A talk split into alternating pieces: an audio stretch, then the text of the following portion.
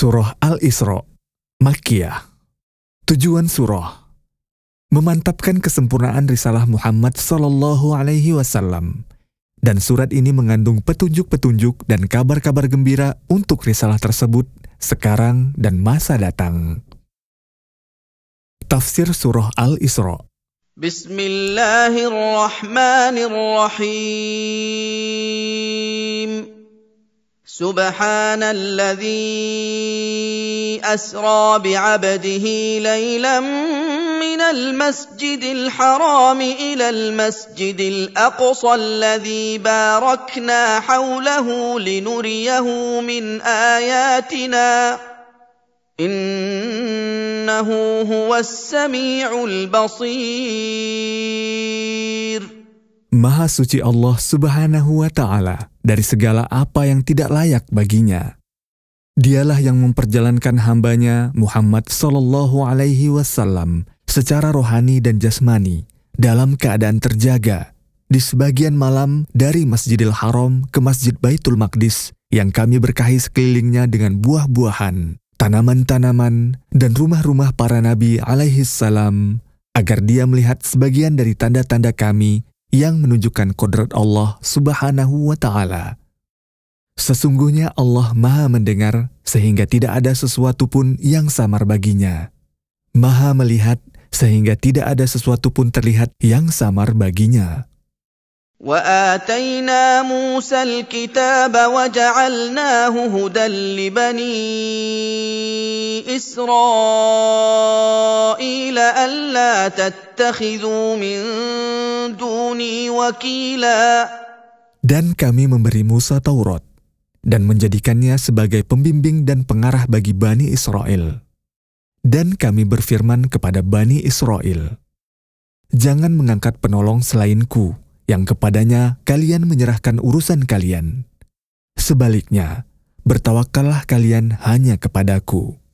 ذرية من حملنا مع نوح إنه كان عبدا شكورا Kalian adalah anak keturunan orang-orang yang kami limpahi kenikmatan berupa keselamatan bersama Nuh alaihi salam dari tenggelam dalam banjir bandang. Ingatlah nikmat ini dan bersyukurlah kepada Allah Ta'ala dengan menyembahnya semata dan menaatinya. Teladanilah Nuh dalam hal ini, karena sesungguhnya dia adalah orang yang banyak bersyukur kepada Allah Ta'ala. وقضينا إلى بني إسرائيل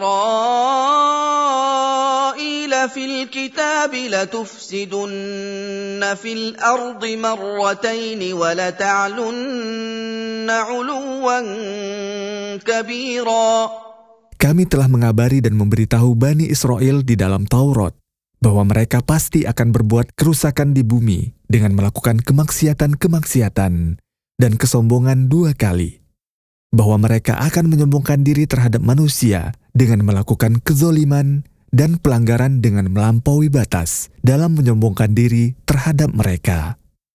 فإذا جاء وعد أولاهما بعثنا عليكم عبادا لنا أولي بأس شديد فجاسوا خلال الديار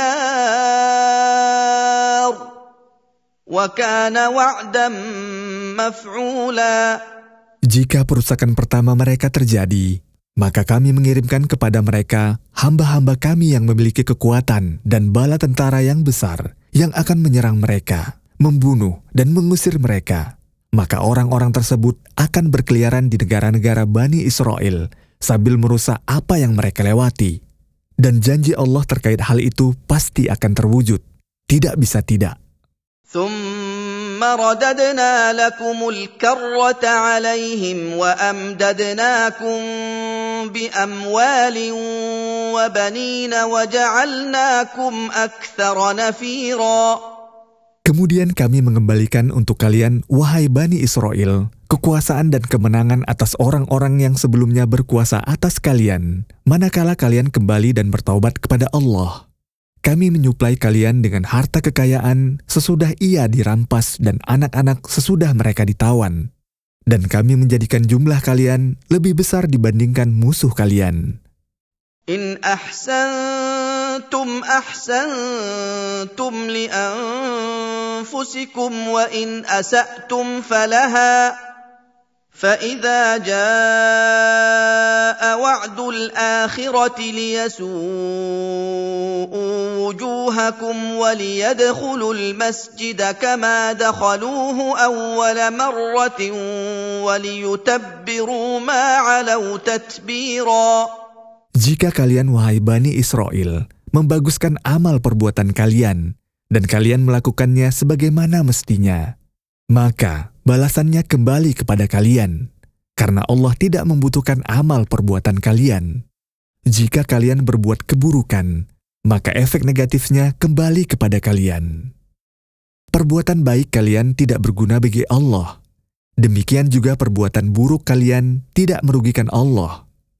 Jika perusakan yang kedua terlaksana, maka kami menguasakan musuh kalian atas kalian untuk menghinakan kalian dan menjadikan kehinaan nampak jelas pada wajah-wajah kalian.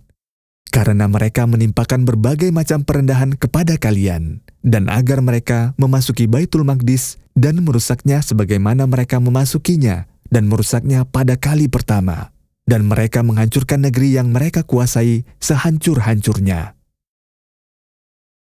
Faidah dari ayat-ayat di atas.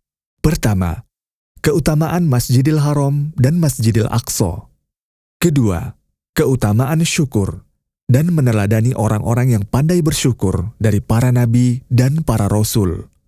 Ketiga, manfaat perbuatan baik dan istiqomah seseorang dalam menjalankan ketaatan kepada Allah kembali kepada dirinya sendiri. Demikian juga dampak negatif perbuatan buruk dan menyelisihi perintah-perintah Allah menimpa pelakunya sendiri. Keempat, di antara hikmah dan sunnah Allah adalah mengirimkan kepada orang-orang yang berbuat kerusakan, orang-orang yang mencegah mereka, sehingga hikmah perbaikan yang Allah harapkan terwujud.